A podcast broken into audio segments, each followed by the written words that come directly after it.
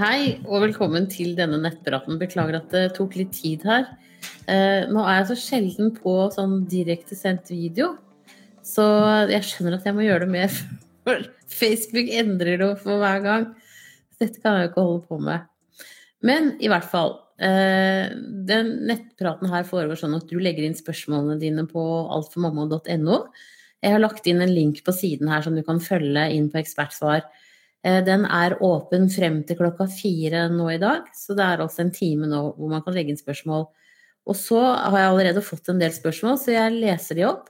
Og så eh, svarer jeg på direkten. Og så etterpå så tar jeg linken fra denne nettpraten, og så limer jeg dem inn på eh, inn på Alt for mamma, sånn at det er lett å finne for dere. Så da bare gønner jeg på. Hvis ikke du får den med deg helt nå, så blir den til en pod etter hvert også. Men foreløpig så leser jeg opp og svarer fortløpende. Da er det M som sier gravid uke 38, har mye stikking i skrittet og kramper nedover beina. Kan det være tegn på at noe er på gang? Ja, det kan det godt være. Eh, det er ofte sånn at når hodet går ned i bekkenet, så inni bekkenet så vever det seg, og nervene som går fra ryggen og ut i beina, og når babyens hode presses ned i bekkenet, så kommer det litt borti disse nervene. Og det kan gi ganske kraftige stikninger, og for noen så er det sånn at de nesten må legge seg ned når det kommer. Um, så det er ikke så fryktelig mye å gjøre med det. Um, du kan prøve også å stå i sånn skurkoneposisjon, sånn at du står på alle fire på gulvet, men at du legger eh, underarmen nedi, sånn at rumpa blir det høyeste punktet. Eh, du kan se om det hjelper. Og så går det også an å ta det ene beinet opp på en stol, sånn at du på en måte vier ut bekkenet mest mulig, for å se om det kan lirke hodet forbi litt, også det litt ømme punktet. Men um, jeg vil tro at du også merker det bedre når du har kynnere, eller sånn, de sterke kynnerne som du antageligvis har nå. Når de kommer, at det er da også stikningene kommer. Eh, så det som hjelper aller best her, er selvfølgelig å føde. Så vi får krysse fingrene for at du snart går i fødsel, at dette faktisk er noen av tegnene for deg på at du nærmer deg fødsel. Da ønsker jeg deg riktig lykke til videre, og tusen takk for at du følger meg her. Ha det bra! Og så er det Modningsakupunktur som sier hei. Jeg er andregangsfødende i uke 36 pluss 3 og har spørsmål om modningsakupunktur. Sist jeg var gravid, måtte jeg settes i gang pga. overtid. Ble satt i gang med ballongkateter, og fra jeg hadde fire centimeters åpning til jeg fødte, tok det fire timer. Jeg har et stort ønske om ikke å bli indusert pga. overtid denne gangen, så det jeg lurer på, er om det kan være lurt å prøve modningsakupunktur. Eller vil dette bare gjøre at fødselen min går enda raskere? Siden jeg fødte relativt kjapt sist, så ønsker jeg jo ikke at det skal gå så mye fortere denne gangen. Jeg regner jo med at det kan gå fortere siden jeg er andregangsfødende, men påvirker modningsakupunkturen dette? På forhånd, takk for svar. Nei, eh, det modningsakupunktur gjør, er vel mer liksom på en måte eh, gjøre deg klar for fødsel. Sånn at jeg tenker at eh, siden du gikk på overtid sist, så kan det faktisk kanskje være en veldig bra ting for deg nå. Eh, det er ikke sånn at modningsakupunktur gjør at det går fortere i selve fødselen. Eh, det gjør det ikke sånn Når du allerede føder raskt, så tror jeg ikke det egentlig har så mye å si sånn sett, da.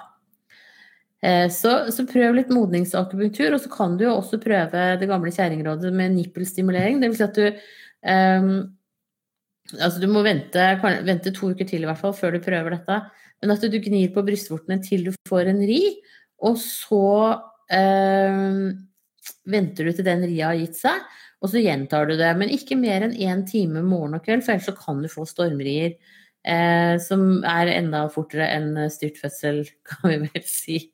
Så eh, jeg tenker at eh, vent to uker og så se, og hvis du ikke du setter i gang av deg selv innen uke altså 39-40, da, så, så, kan du også prøve sånn nippelstimulering. Men modningsakupunktur, absolutt veldig fint, det også. Da ønsker jeg deg riktig lykke til videre, og tusen takk for at du følger meg her. Ha det bra! Og så er det i uke 15 som sier hei. Jeg er gravid i uke 15 og var på ultralyd tirsdag forrige uke. Da var alt bra. Jeg har vært innmari dårlig og sliten frem til nå. Har også følt at jeg har hatt ganske tydelig gravidemage. Men nå plutselig oppleves det nesten som at magen har blitt mindre. Er det normalt? Tidligere sto livmora mi og ganske høyt, sa jordmor.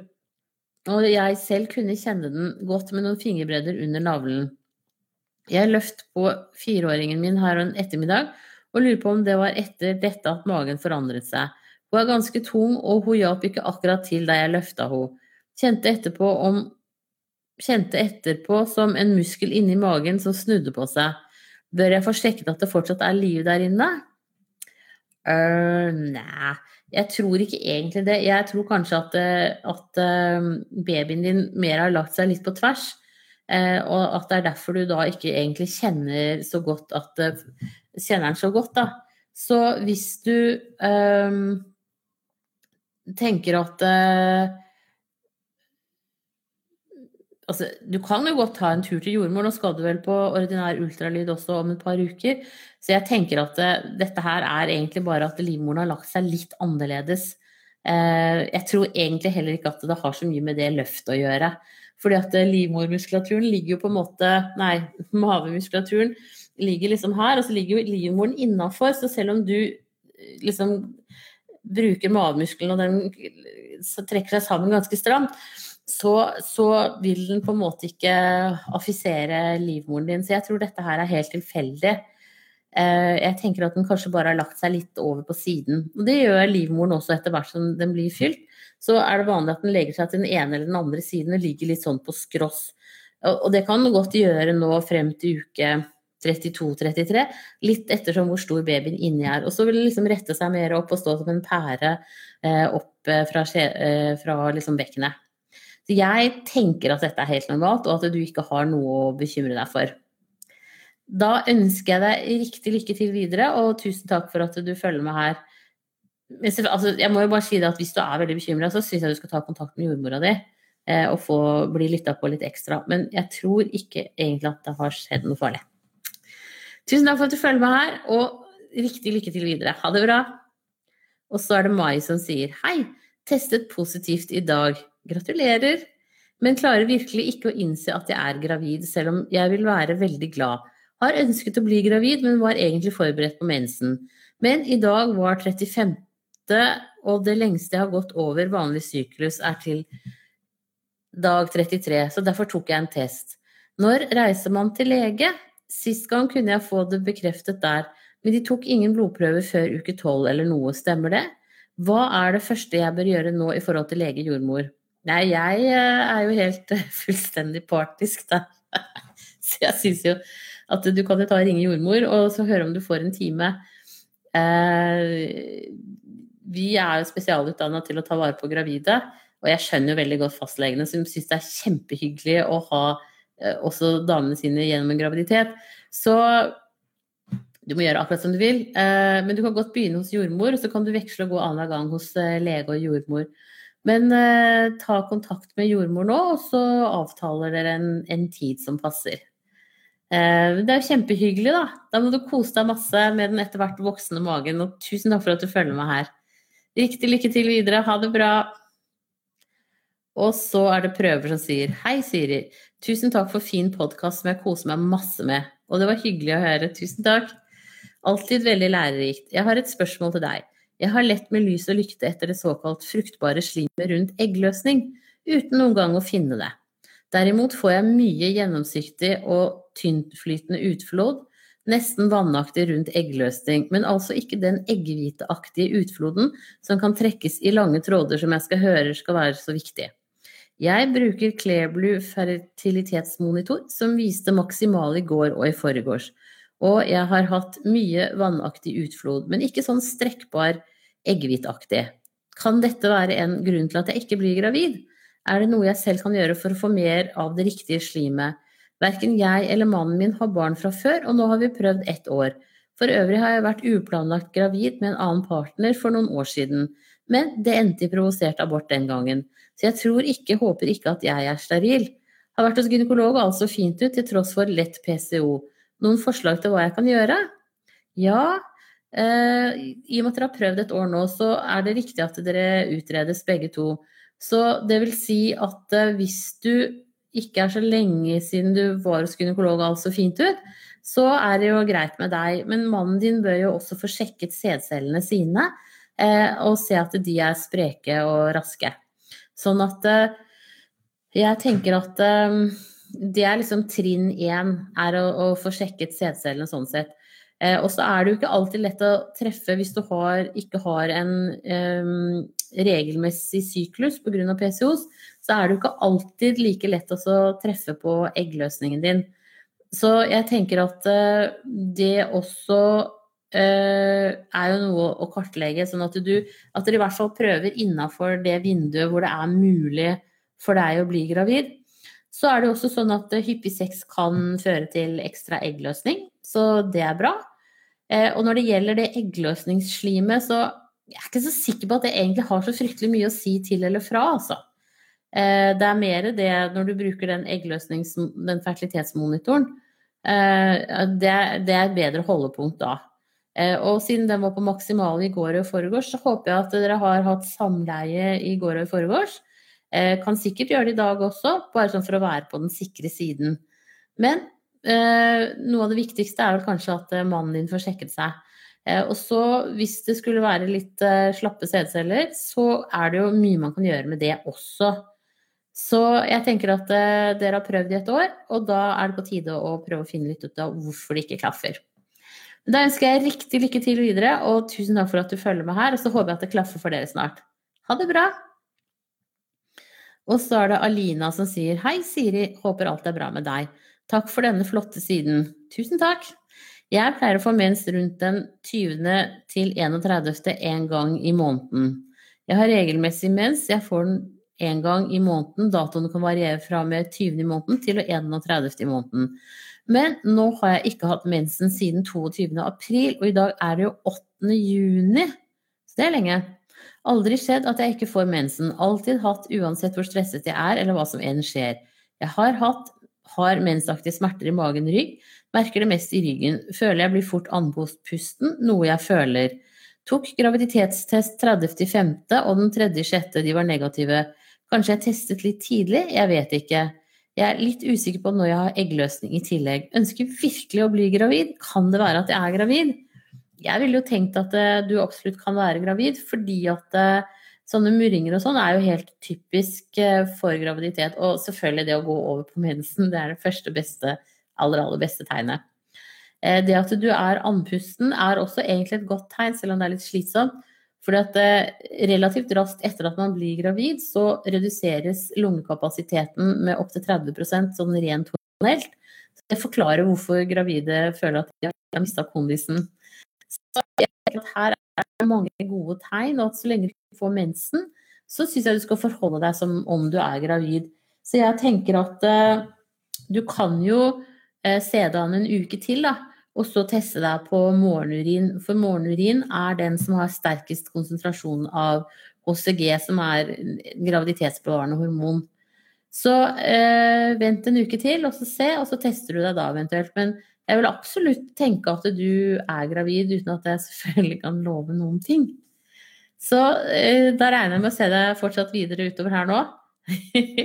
Så det er riktig lykke til videre, og tusen takk for at du følger meg. Ha det bra! Og så er det Anonym som sier Jeg tok keisersnitt. Ca. fem uker etterpå hadde jeg og mannen min samleie. Jeg trodde jeg var ferdig med renselsen, men blødde litt igjen etterpå. Har ikke noen tegn på infeksjon, tror jeg. Uansett, spørsmålet mitt er om dette var farlig, og om det kan skade magen min og alt innvendig på noe vis. Jeg utviklet en viss angst for å ikke få barn før graviditeten, siden jeg spontanaborterte, og derfor er jeg redd for at jeg ikke kan få barn igjen, siden vi hadde sex så tidlig. Jeg hadde ikke vondt, men bare litt ubehag etterpå. Og han er ikke akkurat en lett person heller. Nå husker jeg ikke helt om det var tyngde på magen, men litt var det uansett. Er det farlig? Er det en viss sjanse for at jeg har ødelagt noe som gjør at jeg ikke kan bære frem flere barn. Nå har det gått fem måneder siden keisersnittet, og jeg har ikke vondt, men er ganske øm i nedre mageområde. Er veldig bekymret da jeg vil ha mange barn, og jeg håper at magen tåler det at jeg var så dum og gjennomførte. Jeg fikk også mensen nesten rett etterpå, timer eller dager, men husker ikke, jeg aner ikke. Du har helt sikkert ikke skadet deg. Eh, det er ikke farlig. Men fem uker etter fødselen så er jo livmoren fortsatt litt forstørret, og eh, den driver og trekker seg sammen og, og holder på. Eh, og slimhinnene er fortsatt skjøre, selv om du ikke ammet, så, eh, så er de det. Sånn at det tror jeg nok er sammenhengen med den blødningen. Det er ikke noe farlig, det er helt normalt. Og kvinner som uh, nettopp har født eller ammer, kan absolutt uh, risikere at de blør litt når de har sex, men det er ikke farlig. Um, så det tenker jeg det er ikke noe problem i det hele tatt. At du er litt øm i magen nå, det tenker jeg at nok handler kanskje om uh, keisersnittet i seg selv. Eh, at fortsatt Du er jo grodd sammen og sånn, men fortsatt så endrer jo vevet litt seg der og, eh, og he, har en sånn helingsprosess. Eh, selv om mannen din er, er en solid person, så er ikke det farlig.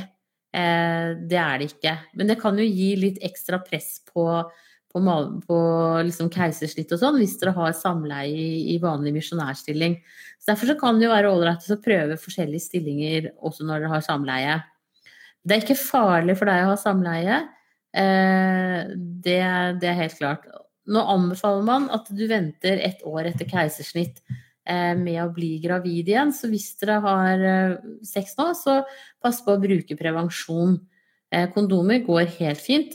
Men hvis du liksom vil være 100% sikker, og sånn, så kan jo spiral eller p-piller eller p-stav også være en løsning.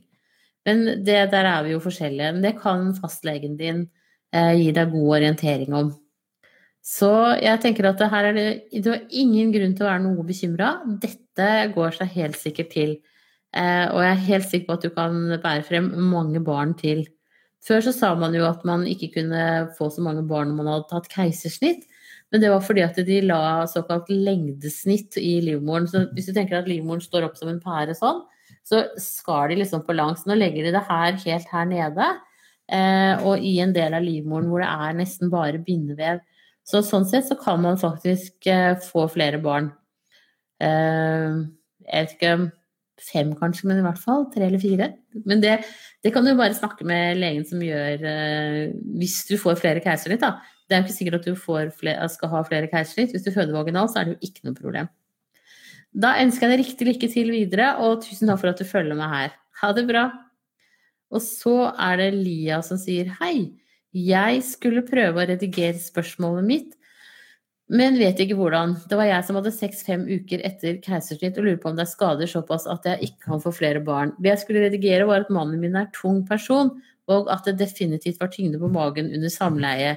Jeg kjente ikke noe spesielt under samleie, men ble selvfølgelig øm etterpå. Hodet mitt tenker mye, så jeg kunne sikkert ha klart å tenke på meg mer vondt enn det jeg hadde også. Så det var det jeg skulle endre på spørsmålet mitt. Kan jeg få flere barn likevel? Ingenting som kan bli ødelagt slik at jeg ikke kan få flere. Tusen takk for svar som roer meg. Du er god å ha. Ja.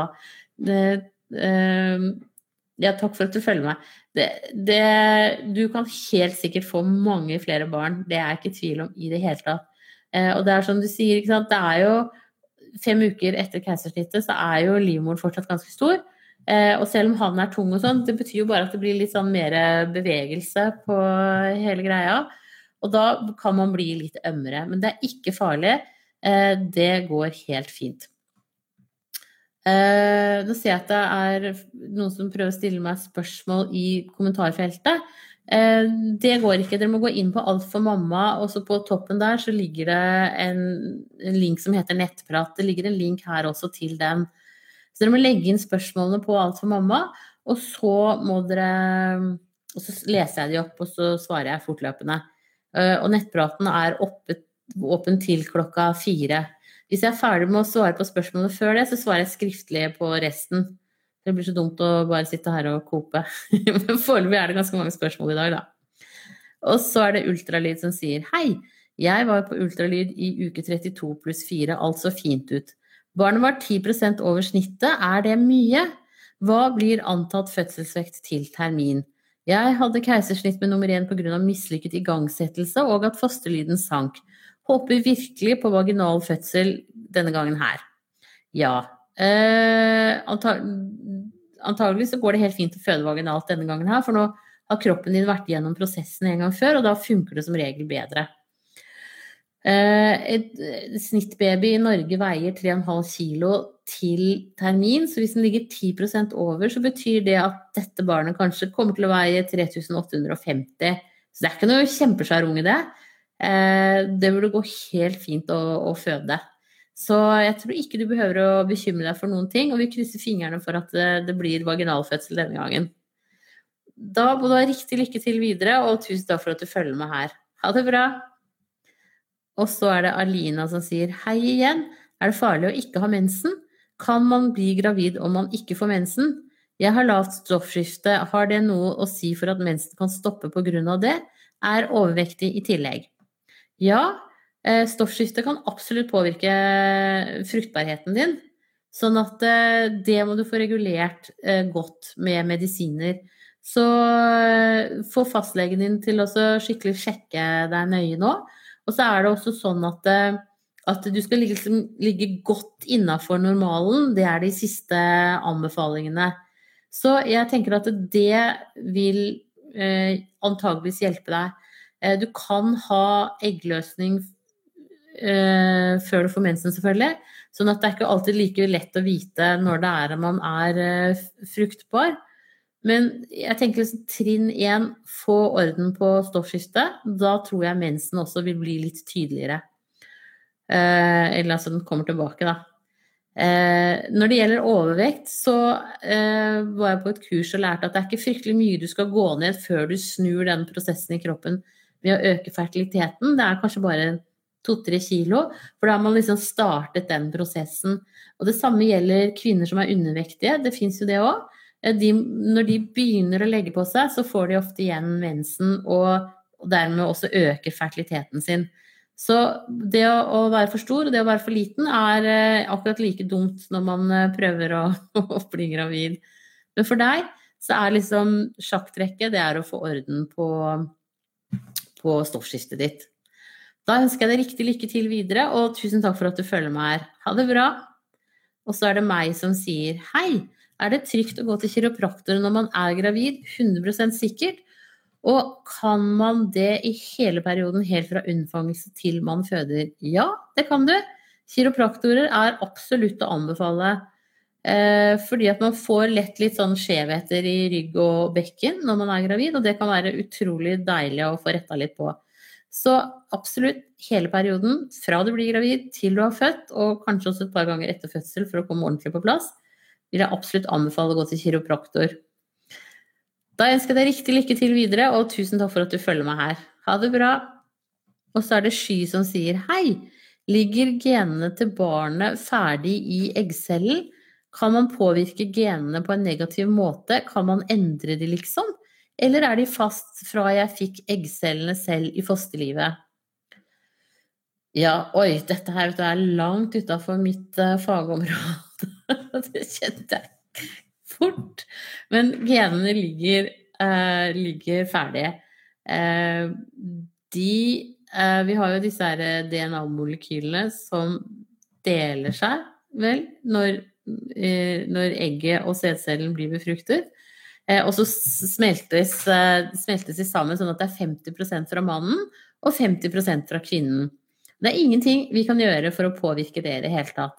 Så babyen som blir født, har liksom halvparten av mor og halvparten av far. Men hvilken halvpart de får, det er veldig sånn Det er tilfeldig. Eh, det fins noen sånne metoder som heter CRISPR og sånn, hvor man kan klippe bort noen gener. Eller deler av genene. Men det er veldig, veldig avansert teknologi.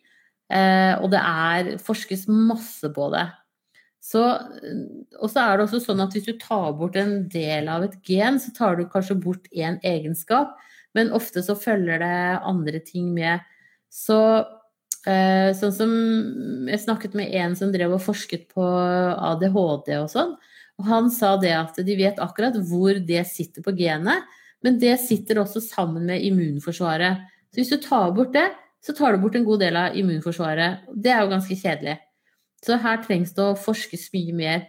Så hvis man bærer på en alvorlig arvelig lidelse i dag, som man ikke ønsker å bringe videre til fosteret, så eh, er det på en måte ikke genmanipulering man gjør, men man velger ut et befruktet egg som er friskt.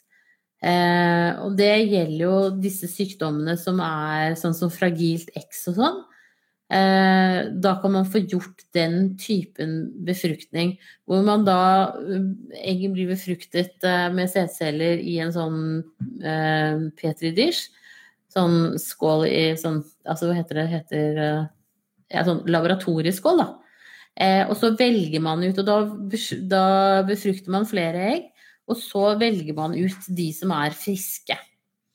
Um, så det er sånn som det foregår eh, per i dag. Så du kan si at det er jo ganske sånn eh, grov, grovt og manuelt, men, men, det er jo for så vidt effektivt da, i det at man da kan velge et friskt eh, foster.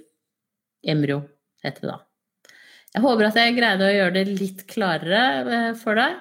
Eh, men dette er også sånn som man får hjelp til med genetisk veiledning. Så hvis en av dere vet at dere er bærere av en, en sykdom, så vil jeg absolutt anbefale å få fastlegen din til å henvise deg før du blir gravid nå, til genetisk veiledning ved det nærmeste sentralsykehuset hvor de driver med sånne ting. Da ønsker jeg deg riktig lykke til videre, og tusen takk for at du følger meg her. Ha det bra! Og så er det tre som sier Er det vanlig å late som man drikker når man er på fest tidlig i graviditeten? Føler jeg er den eneste jeg er den eneste, for jeg drakk alkoholfritt i en vanlig vinflaske. Og nå er jeg redd alle går rundt og tror at jeg drakk den dagen, selv om jeg ikke gjorde det. Eh, nei, du er ikke alene om det der. Og særlig sånn i julebordstiden og sånn, så er det mange som, eh, som eh, later som For det er ikke alltid du har lyst til å fortelle at du er gravid. Og hvis det er litt sånn drikkepress blant de kollegaene dine eller vennene dine, så, så er det ikke så greit å si at, eh, at, man er gravid hvis man ikke har lyst til å si det ennå, Så jeg tror det er mange som later som at de drikker alkohol, og ingen som ser stygt på deg etterpå pga. det heller. Så gjør det du føler deg mest komfortabel med, eventuelt eh, så, så, kan det jo være den som kjører eller sånn. Man kan bruke andre unnskyldninger også. Eh, det å gå på antibiotika, da skal man jo aller helst ikke drikke alkohol. Eh, så man kan jo si at man går på en antibiotikakur, og derfor så drikker du ikke. For eksempel. Eh, men her, her, er det nok mange varianter. Det viktigste er jo at du ikke drikker. Eh, så det er jo kjempebra. Det er supert at du, at du ikke gjør det. Da ønsker jeg deg riktig lykke til videre, og tusen takk for at du følger med her. Ha det bra! Og så er det mensen som sier hei, jeg har fått ett barn, og etter graviditeten for to år siden, så syns jeg mensen har forandret seg.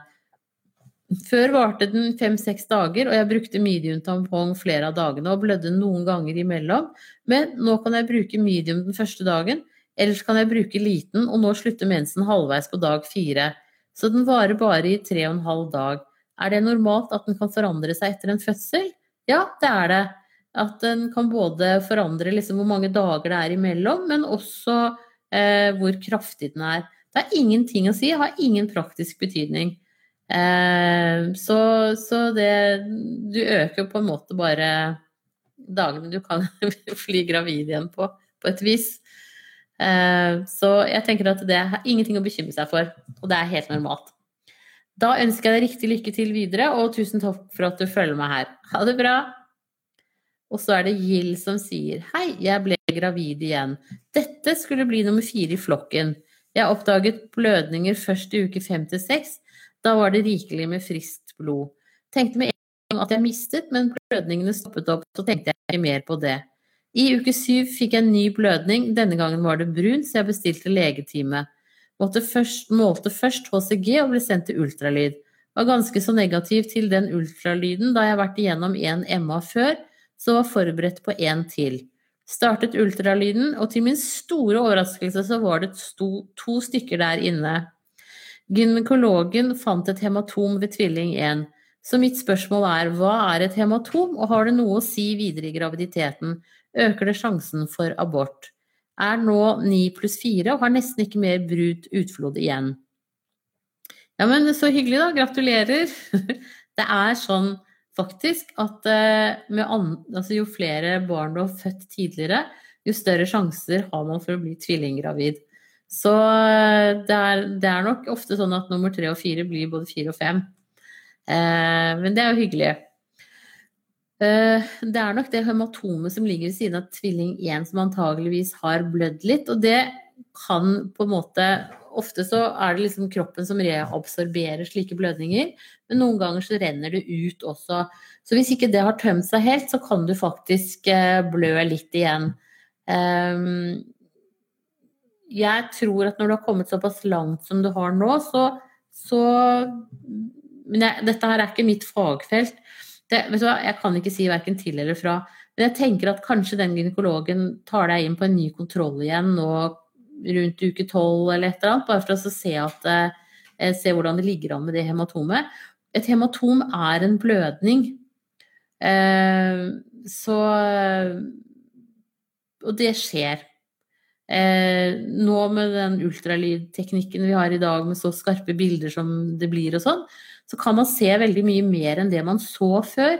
Og det gjør også på en måte Det er litt sånn der eh, på godt og ondt, fordi at man ser mange mer avvik som kanskje alltid egentlig har vært der, men som man ikke har lagt så veldig stor vekt på fordi at man har ikke kunnet se dem, rett og slett. Så jeg tenker at her er det bare å se det an og krysse fingrene og satse på at det går bra. Jeg vil jo tro at det gjør det.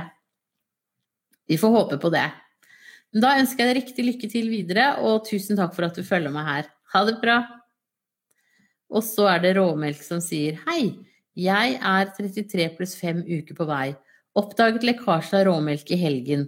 Er det normalt å få det før fødsel? Jeg håper ikke det betyr at fødselen er rett rundt hjørnet. Det er normalt at kroppen prøvekjører litt og, og lager sånn råmelk, så det, det er helt innafor. Det du eh, ikke må gjøre, er å stimulere masse, for da øker du, da setter du på en måte i gang eh, melkeproduksjonen skikkelig. Eh, sånn at eh, det er lurt å vente med.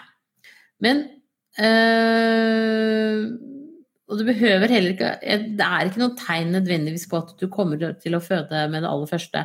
Jeg syns ofte at liksom, kroppen prøvekjører litt, og så slutter man å, å produsere råmelk.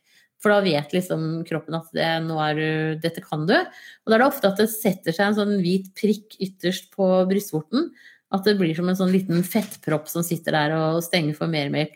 Men så er det noen som lekker bare mer og mer også frem til fødselen. Så eh, det som kan være lurt, er at hvis du fortsetter å lekke, det er altså å ha ull-aminlegg innerst, og så heller ha et bomullsinnlegg utapå. Eh, fordi bomullsinnlegg de på en måte holder på fuktigheten, og da blir du mer sår. Så det, mens med ulla så renner det liksom gjennom ulla og så inn i bomullen. Men ullen gjør at du er tørr, så da blir du ikke så sår. Men vi satser på at dette var en sånn ren eh, prøvegjennomkjøring, og at du ikke fortsetter å lekke like mye. Eh, du kan også bare holde fingeren lett på brystvorten, for ytterst på brystvorten så er det sånn, en liten, bitte, bitte liten lukkemuskel. Så når du gjør sånn med fingeren på brystvorten, så stimulerer du den lukkemuskelen til å lukke seg. Så det kan også hjelpe. Kan prøve det. Da ønsker jeg deg riktig lykke til videre, og tusen takk for at du følger meg her. Ha det bra! Og så er det hilsen prøver som sier hei. For tre dager siden hadde jeg innsett av to opptinte blastocyster, og er nå urolig og bekymra pga. småblødninger. Oppdaget først litt brunt i trusa på kvelden, dagen jeg hadde satt inn. Også, og også i dag har det vært litt brun spotting. Jeg har spottet litt tidligere når jeg ikke har blitt gravid, men også hatt en liten blødning dagen for innsetting da jeg ble gravid. Da var det riktignok friskt blod, ikke brun som denne gangen. Er brun blødning på dagen for innsett et dårlig tegn? Redd begge embryoene bare rant rett ut igjen. Det beklager jeg, har ikke så veldig mye kunnskap her. Eh, så jeg tror du bare må vente og se. Det som er, er jo at når de skal feste seg, så blir det ofte litt sånn der eh, irritasjon i slimhinnen sånn at man blør. Så Og så kan det også være det at de har holdt på og satt inn noe hos deg, at du blør fordi det har kommet rifter i skjedeveggen. Så her er det flere si, normale årsaker til en blødning. Så vi må bare krysse fingrene og vente og se og håpe på det aller, aller beste. Da ønsker jeg deg riktig lykke til videre, og tusen takk for at du følger med her. Ha det bra.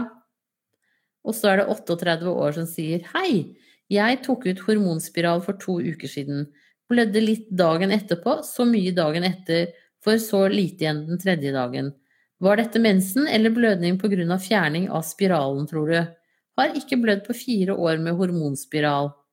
Men hadde ømme bryster og andre PMS-symptomer jevnlig, ca. hver tredje-fjerde uke. Aner ikke når jeg eventuelt skulle hatt verken eggløsning eller mensen. Håper på ett barn til. Ble gravid på første forsøk da jeg var 27.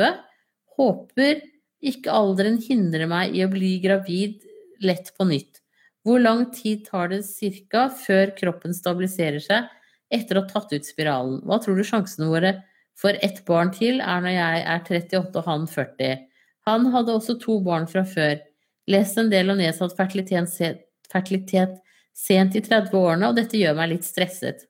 Ja. Nei, her er det bare å prøve. Eh, det er det eneste som virker. Eh, hvis dere ikke blir gravide innen seks måneder Jeg leste nettopp en sånn innlegg av han Hausken. Eh, så syns jeg at da skal dere søke hjelp. For det er som du sier, du er 38 og han er 40, så dere er jo litt opp i åra. Har jo ikke all fredens med tid på dere. Så jeg tenker at prøv nå i seks måneder. Eh, vår og sommer er ypperlig tid å bli gravid på. Man blir lettere gravid da. Eh, og så prøver dere det, og så krysser vi fingrene for at det klaffer. Og så kan dere heller ta sorgene på etterskudd til, eh, til høsten hvis du ikke har blitt gravid til da. Men enn så lenge så tenker jeg her er det bare å krysse fingrene, og så håpe at du blir gravid like raskt greit denne gangen også. Da ønsker jeg deg riktig lykke til videre, og tusen takk for at du følger meg her. Ha det bra! Og så er det blodplater. Hei! Vet du om noe i svangerskapet kan forårsake at mine blodplater blir ødelagt? Er 30 uker på vei og har veldig varierende blodprøver. Men en blodprøve viste seg at mine blodplater blir ødelagt. Kan dette gå utover babyen? Vet du hva, dette ligger så langt utafor mitt kompetanseområde. Eh, jeg kan dessverre ikke svare på det, men jeg vil jo tro at en lege, en, en som kan om blod, kan vil gi deg gode svar på dette, en, en, såkalt hematolog. Så jeg vil jo tro egentlig at du skal henvises eh, for en ordentlig undersøkelse av fastlegen eller jordmoren din, eh, sånn at, eh, at, du kan liksom finne ut av om hva dette egentlig er. Eh, jeg beklager at jeg ikke kan hjelpe deg bedre, men jeg tenker at eh, jordmor eller fastlege kan hjelpe deg eh, videre eller gi deg svar på dette her. Eh, som gjelder akkurat deg. Så eh, få time denne uka her, sånn at du kan få gode svar på dette og ikke bør å bekymre deg så veldig. Da ønsker jeg deg riktig lykke til videre, og tusen takk for at du følger meg her. Ha det bra! Og så er det uke 37 som sier Hei! Nærmer meg fødsel og gleder meg til den. Sist jeg fødte var navlestrengen veldig kort, noe som plagde meg før morkake kom ut. Er det mest sannsynlig at denne gangen også vil ha kort navlestreng? Bekymret for om den er rundt halsen på babyen i tillegg til at den er kort, kan føre til kvelning. Eh, nei, det skjer innmari sjelden, både med kort navlestreng og at babyen har den rundt halsen. Så jeg tenker at det er ikke noe du behøver å, å være noe bekymret for nå. Eh, det som viser seg ofte, er jo at disse barna blir stresset i fødsel. Og derfor, det er jo derfor man eh, overvåker dem med sånn CTG-apparat og, og følger med. Eh, sånn at eh, jeg tenker at eh, Du kan jo fortelle at den var kort sist når du kommer inn for å føde, og at de kjører en litt sånn lengre CTG for å se hvordan babyen reagerer. Jeg tror ikke det er liksom Det er ikke noen grunn til at den skal være like kort denne gangen, men du kan jo alltid si fra når du kommer inn. Eh, hvis navlesnoren er veldig kort, så vil det også ofte være sånn at hodet ikke kommer så godt ned. Eh, sånn at det kan påvirke fremdriften i fødselen. Men sånn i utgangspunktet så tror jeg ikke du behøver å bekymre deg for det denne gangen. Eh, nå har du hatt det én gang, ikke så veldig sikkert at du får det igjen. Da ønsker jeg deg riktig lykke til videre, og tusen takk for at du følger med her. Ha det bra! Og så er det Smålei som sier Hei, Siri. Jeg har vært plaget med hyperemesis siden uke 5 og er nå i uke 15 pluss 2. Det ser ikke ut til å bli noe bedre foreløpig. Burde jeg være bekymret? Jeg gikk ned 6 kilo i uke 7 og ble innlagt grunnet dette. Det var mye. Har ikke klart å gå opp disse kiloene igjen foreløpig. Når burde jeg begynne å gå opp i vekt? Jeg står også fast på kvalmestillende som hjelper noe. Har brukt det i to måneder nå. Prøvde meg uten et par dager, men det fungerte dårlig. Begynte derfor på'n igjen. Hvor krise er det at jeg går på kvalmestillende så lenge? Hilsen lei gravid. Nei, her tenker jeg at her må man på en måte veie to onder opp mot hverandre.